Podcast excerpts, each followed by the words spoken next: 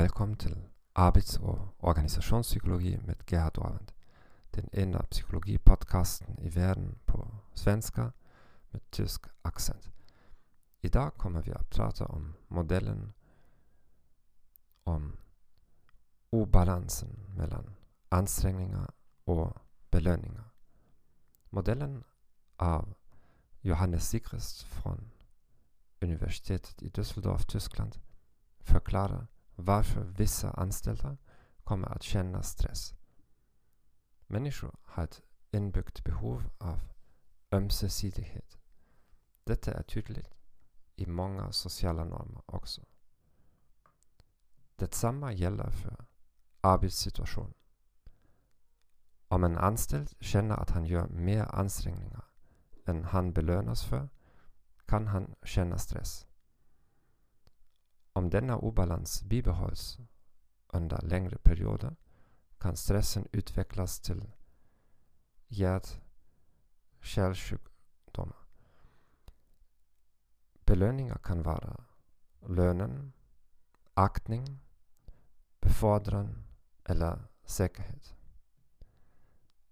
Det bör vara tydligt att många individer eliminerar obalansen genom att minska sina ansträngningar. De arbetar mindre hårt.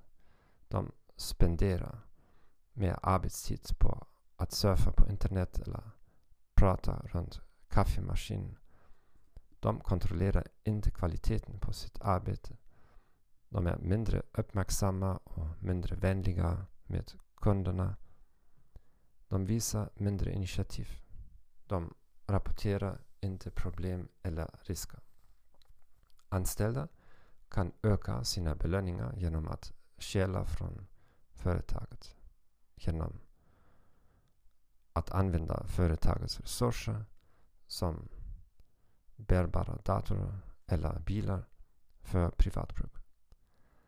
De kan till och med inleda en affär med chefens sekreterare, man eller kvinna, för att få ut mer värde ur tiden i företaget.